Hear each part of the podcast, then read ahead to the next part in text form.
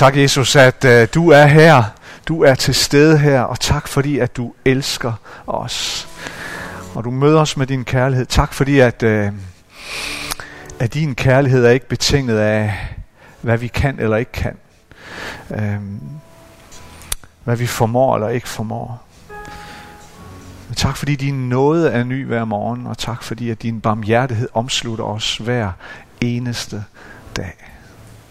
Tak fordi, at du møder os lige nu og taler til os. Rører vi vores hjerter, vores inderste, og du sender os ud i verden. Du sender os iklædt en, øh, sender os ud i den her verden iklædt en kraft, som ikke er af denne verden, men som er langt større og langt højere og mægtigere. Må vi få lov at mærke bare en lille fli af det i de minutter, hvor vi er sammen her. I dit eget vidunderlige navn, Jesus. Amen. Tak skal I have. Tak til jer. Uh, tak til vores uh, gæstemusikere i dag. Hvor er det dejligt, at, uh, at I er... Skal vi give dem en hånd?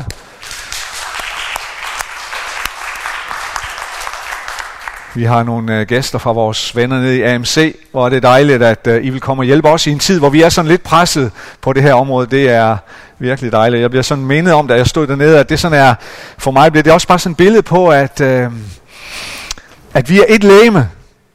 Og når et lem lider, så lider alle øh, lemmer, siger Bibelen. Og når et lem glædes, så glædes alle lemmer. Og øh, det er sådan en påmindelse om, at vi er et leme, og Gud har kun én kirke. Vi øh, er i gang med at se på det her med sabbat, og øh, vi er nået til det, det næst sidste episode i det her med sabbat øh, i sæson 1, tror jeg, Kasper plejer at sige. Øh, indtil videre.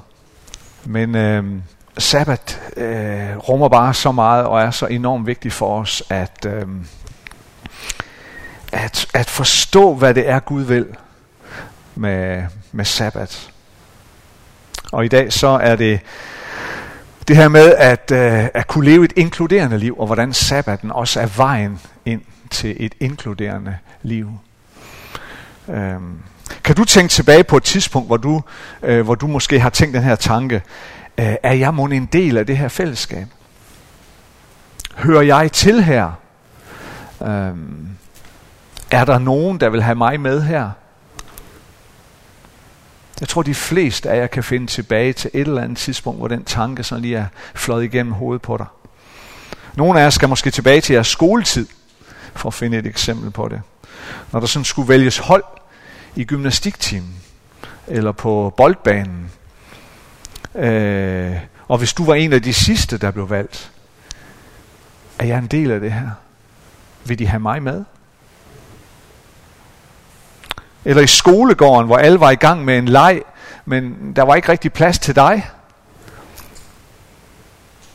Eller måske skal nogen af jer ikke andet end nogle få dage tilbage, hvor du fik den tanke, er jeg en del af det her fællesskab? Er jeg velkommen her? Vil de have mig med? Jeg tror, de allerfleste af os kan finde tidspunkter, hvor vi har gjort os de her tanker. Nogle af os har haft de tanker mange gange, og for andre så er det måske knap så mange gange. Men de er der. Og jeg tror, de er der for os alle sammen. De kommer og går. Fordi alle sammen har vi et behov for at føle os inkluderet.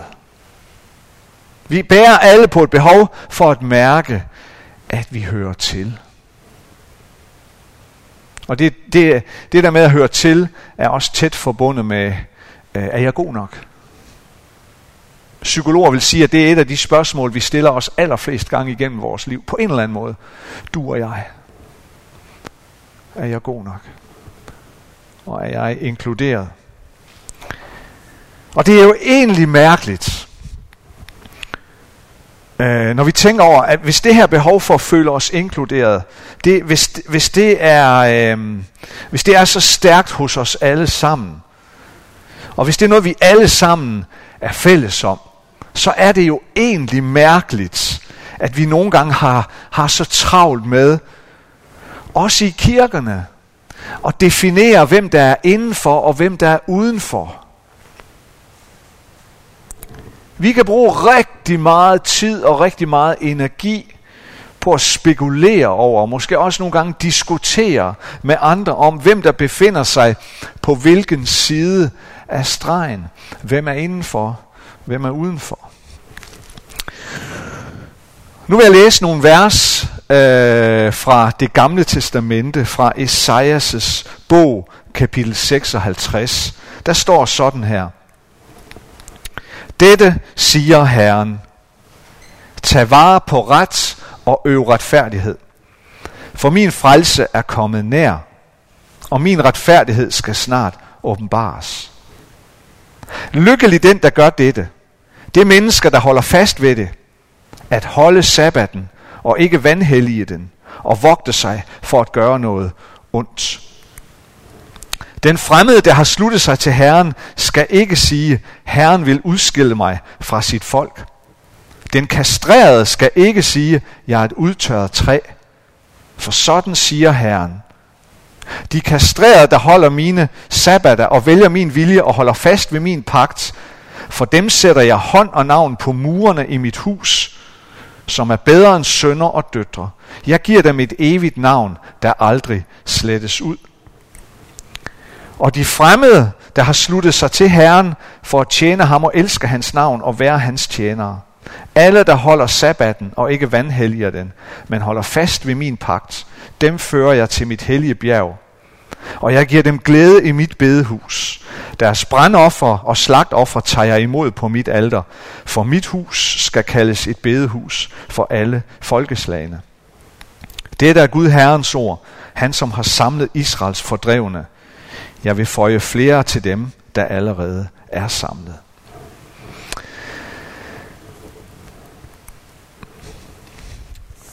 Der er for mig at se i hvert fald tre ting, som gør den her tekst meget interessant. For det første, så, øh, så er det fordi, den handler om inklusion. Den, den handler om Israels kald til at inkludere andre mennesker i fællesskabet. For det andet er den interessant, fordi at øh,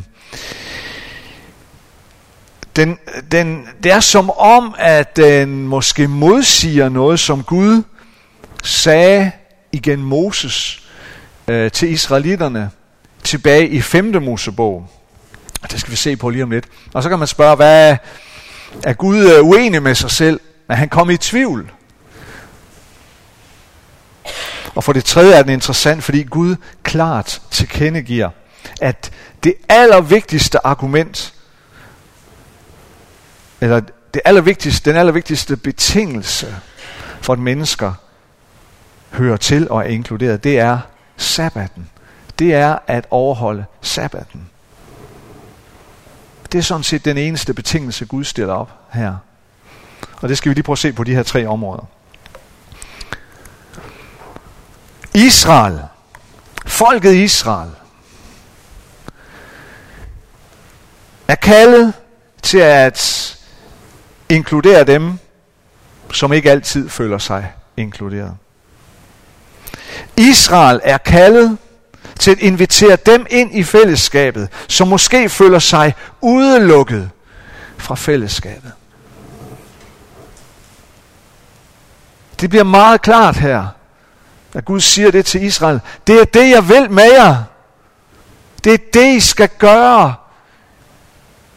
I skal være min inklusion, og I skal være min invitation ind til fællesskabet. Og det, der var specifikt for Israel det, øh, i, i, i det gamle testamente, det var jo, og det, der var specifikt med Guds udvælgelse af Israel, det var jo, at Israel var kaldet og udvalgt til at være en rollemodel for hele verden. Forstået på den måde, at Israel blev udvalgt for at hele verden skulle forstå, hvad det var, Gud ville med hele verden. Israel blev udvalgt for at, at gøre synligt, at det som Gud gjorde for Israel og med Israel, Det ønsker Gud at gøre for og med os alle sammen. Så når Gud udvalgte Israel som sin øjestener, så var det for at sige til verden, at, at, at hele verden skulle se igennem Israel, jamen I er alle min øjesten. Når Gud inkluderede Israel, var det for, at hele verden skulle høre Gud sige, I er alle. Jeg ønsker at inkludere jer alle. Jeg ønsker at invitere jer alle. Så når Israel fik besked på at inkludere dem, som ikke var inkluderet, og invitere dem, som ikke var inviteret, så er det fordi Gud ønsker, at vi alle sammen lever på den måde. Gud ønsker, at vi alle sammen lever inkluderende og inviterende. At vi alle sammen har et fokus på den, som ikke føler sig inkluderet og inviteret.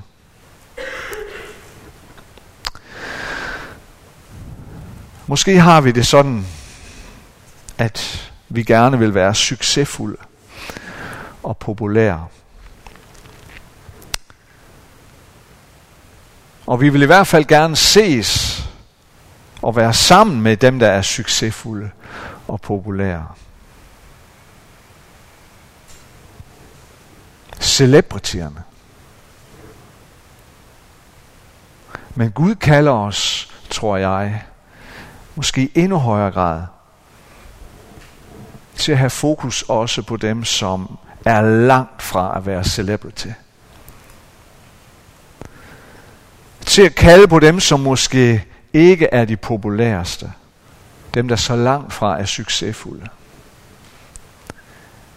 Dem, der ingen overskrifter trækker. Dem, der så let bliver glemt og overset. Og jeg tror, det er det, Gud påminder israelitterne om, og os om, her i, i den tekst her i starten af Esajas kapitel 56. Og hvem er det så, israelitterne får besked om, at de skal inkludere? Først og fremmest så er det de fremmede, bliver der sagt. De fremmede. De folkeslag og nationer, som ikke er israelitter, dem der ikke er jøder, dem skal israelitterne fagne og inkludere. Og for det andet så er det, øh, der, der, siger, der, der, der siger Gud noget, som måske er lidt mærkeligt. Han taler om den kastrerede. Han siger, den kastrerede skal ikke sige, jeg er et udtørret træ. Nej, de kastrerede, dem giver jeg et evigt navn, som aldrig slettes ud. Øhm, lidt underligt, og det, hvad, hvad, hvad der egentlig tales om her, hvad, hvad der egentlig menes, er lidt usikkert. Øhm, det kan jo være dem, som har været involveret i andre religiøse skikke og kulturer, andre religiøse kulter. For eksempel der, hvor, hvor dem, der var øh, dem der var øh, øh, tjenere ved, ved, øh, ved hoffet eller så videre, de blev, de, øh, øh altså de, de blev simpelthen øh, øh, kastreret, blev eunukker, for at, at de ikke skulle have, for at de ikke skulle være seksuelt aktive. Øhm. Men det kan, også være, det kan også være et bredere billede på dem, som havde tilhørt, simpelthen bare været i andre kulturer generelt. Øhm. Andre skikke. Men som bar på en længsel efter at være inkluderet i Israels fællesskab. Som bar på en længsel efter at møde Israels Gud. Dem skal I inkludere og tage imod, siger Gud.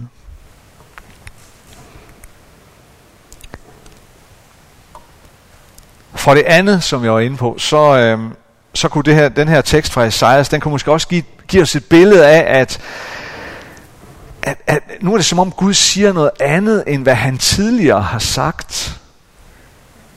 Øhm, så vi næsten kan stille spørgsmål, hvad er Gud kommet i tvivl her? Eller øh, hvorfor siger han nu det her? For eksempel, der i 5. Mosebog, kapitel 23, øhm, der, siger han, der siger han sådan her igen Moses. Ingen ammonit eller moabit har adgang til Herrens forsamling. Selv deres efterkommere i tiende slægtled får aldrig adgang til Herrens forsamling. Men nu i Esajas siger han, den fremmede, der har sluttet sig til Herren, skal ikke sige, Herren vil udskille mig fra sit folk. Og lidt efter. Jeg giver dem, altså de fremmede, jeg giver dem glæde i mit bedehus. Deres brandoffer og slagtoffer tager jeg imod på mit alter.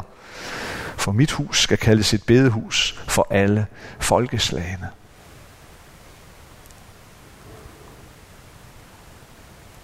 Og tilbage, hvis vi hopper tilbage til 5. Mosebog, kapitel 23, siger Moses. Ingen, der har fået sine testikler knust eller sit lem skåret af, har adgang til Herrens forsamling. Men nu siger han, at Israel skal inkludere den kastrerede. Og igen, vi ved jo ikke helt præcis, hvad det er, der menes her. Men i hvert fald så peger det på, at, at, at, at dem, der i 5. Mosebog ikke skulle inkluderes, når vi når hen til Esajas 56, så skal de inkluderes. Hvordan skal vi forstå det? Er Gud blevet forvirret? Er han kommet i tvivl? Nej, jeg tror ikke, det er sådan, det hænger sammen. Men hvordan så? Jeg tror, at først og fremmest så skal vi forstå, at der er adskillige hundrede år mellem teksten i 5. Mosebog 23 og så den tekst fra Isaiah 56. Der er gået rigtig lang tid. Og der er sket rigtig meget i Israels historie. Den nye tekst her, det er den fra Isaiah 56, mange år senere. Og den taler ind i en, ind i en, i en helt ny kontekst, en helt ny tid og en ny, ny situation for Israel. Femte Mosebog, den handler om, at, at, at, øh, alle israelitterne har vandret i 40 år igennem ørkenen, og nu står de, nu står de ved Jordanflodens bred, og de kan nærmest se ind, over, ind øh, i det forjættede land. De kan se det land, som Gud har lovet dem, og som de lige om lidt skal ind og tage i besiddelse. Situationen i Esajas 56 er en helt anden. Mange hundrede år senere.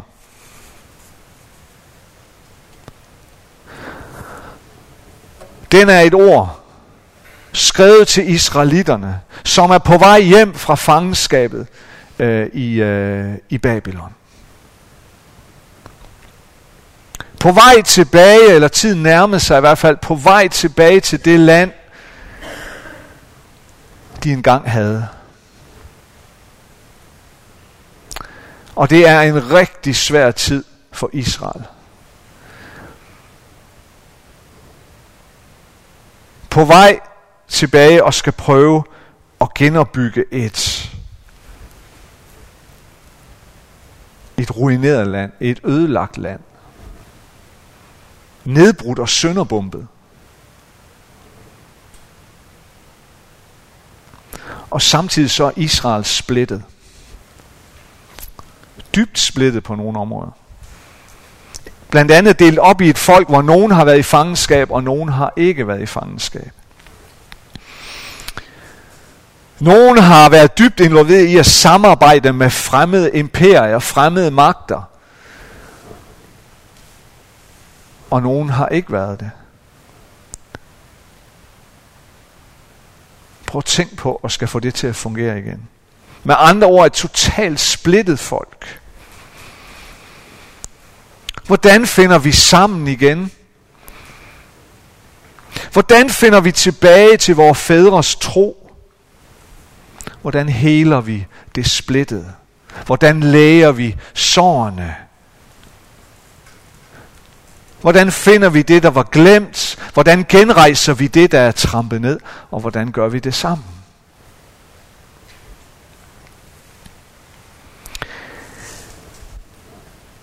Her kommer Gud og møder dem med de her ord fra Isaiah 56. Og Guds vej er klar.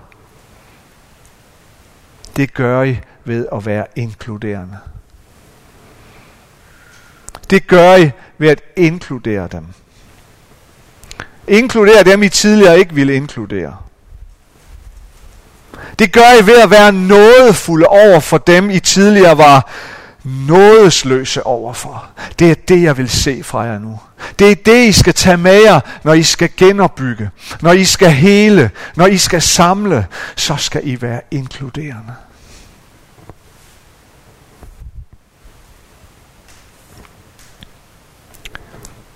Hvad gjorde Nelson Mandela, da han sammen med mange andre skulle genopbygge Sydafrika? Da han og hans parti overtog magten efter de hvides apartheidstyre. Hvad gjorde han? Han gjorde det ved at være inkluderende og nådefuld. Ikke ved at give igen med samme mønt, som de sorte har været udsat for af de hvide igennem så mange år. For han vidste, at det avler bare endnu mere had. Så får vi aldrig samlet vores land. Han gjorde det ved at være inkluderende og nådefuld. Og ikke give igen med samme mønt. Men ved forsoning, ved tilgivelse, ved at være inkluderende og nådefuld. Hvad gjorde man i Rwanda efter folkemordet i 1994, hvor et folk havde slagtet hinanden, og hen ved en million mennesker var blevet slået ihjel på 100 dage. Man gjorde det blandt andet ved, at man uddannede øh, nogle lægdommer, hvis man kan kalde det det, som skulle dømme side om side med de juridiske dommere. Og så instruerede man dem i at dømme inkluderende og nådefuldt. Fordi landet skulle genopbygges. De blev sat til at dømme nogen, som de måske kendte. Nogen, som de måske har boet, øh, boet i samme landsby som, eller måske endda nogen, de var vokset op sammen med. Og så instruerede man dem i, Vær nådig. Vær nådig. Hvis du synes, han er skyldig og fortjener 10 års fængsel, så giv ham syv eller fem. Derved kan et land og et folk hele sine sår og finde sammen i en fælles eksistens og en fælles tilbedelse. Ved at være inkluderende. Ved at være inviterende ind i det samme fællesskab. Så nej, Gud var hverken forvirret eller tvivlrådig, men han viste folk, hvordan de skulle leve i den her nye livssituation, som de nu befandt sig i.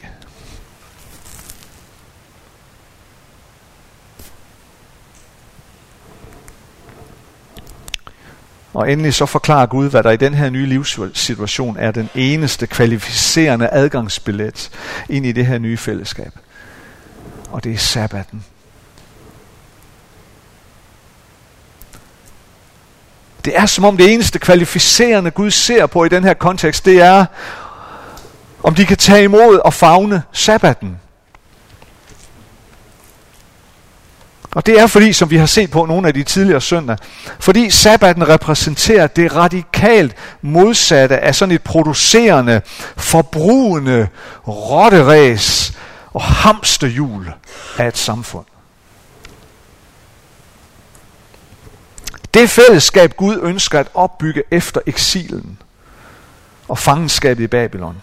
Et fællesskab, som på mange måder minder fuldstændig om det fællesskab, som Jesus inviterer ind til. Det er et fællesskab, som byder velkommen til enhver race, et hvert folk, enhver nation, et hvert køn eller hver social tilstand eller status.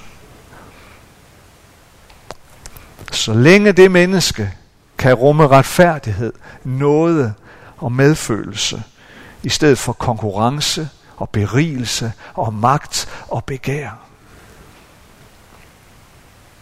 Gud kommer ikke og spørger,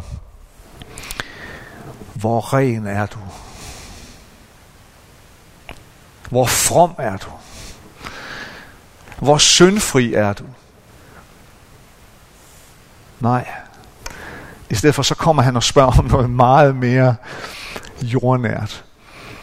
Så kommer han bare og spørger, er du i stand til at holde en pause en gang imellem?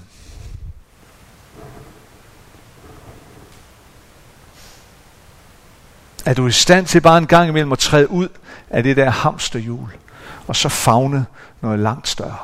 Kan du omfavne sabbaten, hvor der er plads til ro og hvile og medmenneskelighed?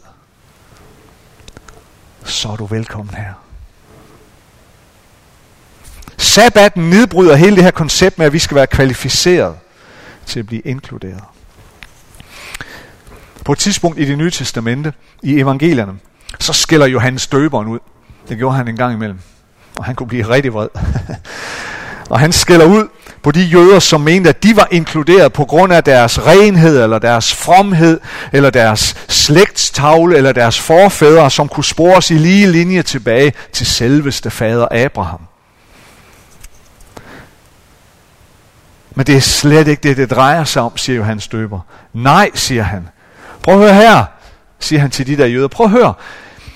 Gud han kan da, hvis han vil, så kan han opvække børn til Abraham af de sten, der ligger der.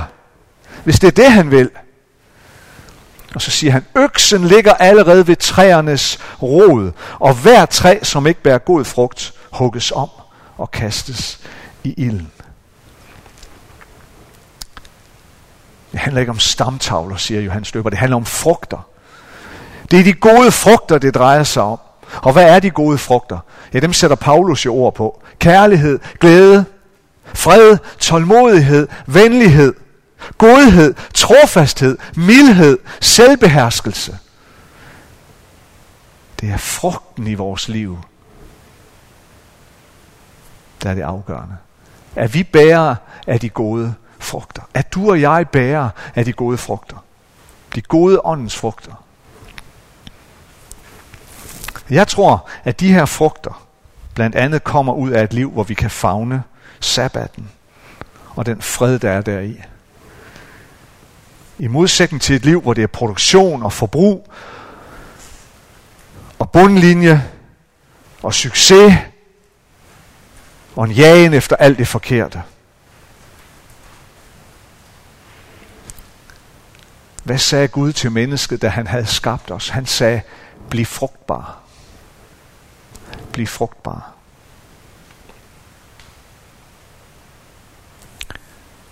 Den Gud, der gav os velsignelsen og inviterede os ind, eller inviterede frugtbarheden ind i vores liv, det er sabbatens herre. Så jeg tror, sabbaten er med til at sætte os i stand til at bære Guds riges frugter. Jeg tror, det er den gentagende pause, den rytmiske stoppen op i vores liv, som sabbaten er, det er det, der kan producere alle de gode frugter i den måde, vi lever vores liv på. Jeg tror, det er hemmeligheden, og det er kaldet, og det er Guds vej. Og lev inkluderende.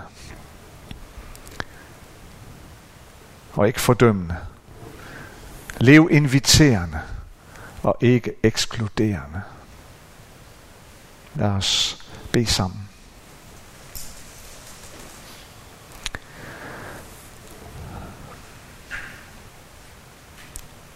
Almægtige Gud og himmelske Far, tak fordi du har givet os sabbaten som et mægtigt våben. Et mægtigt våben til fred og frihed.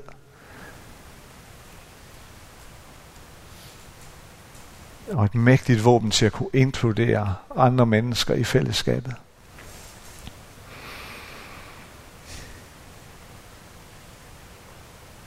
Tak fordi du kalder os derind vil du give os noget til at, og en vilje til at ville træde dig ind. Og sige nej til det her rotteræs af forbrug og produktion og, og en evig jagen efter det forkerte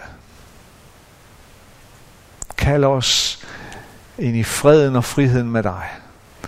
Og kunne stoppe op som en naturlig rytme i vores liv. at kunne stoppe op dagligt, ugentligt, månedligt, hvert år.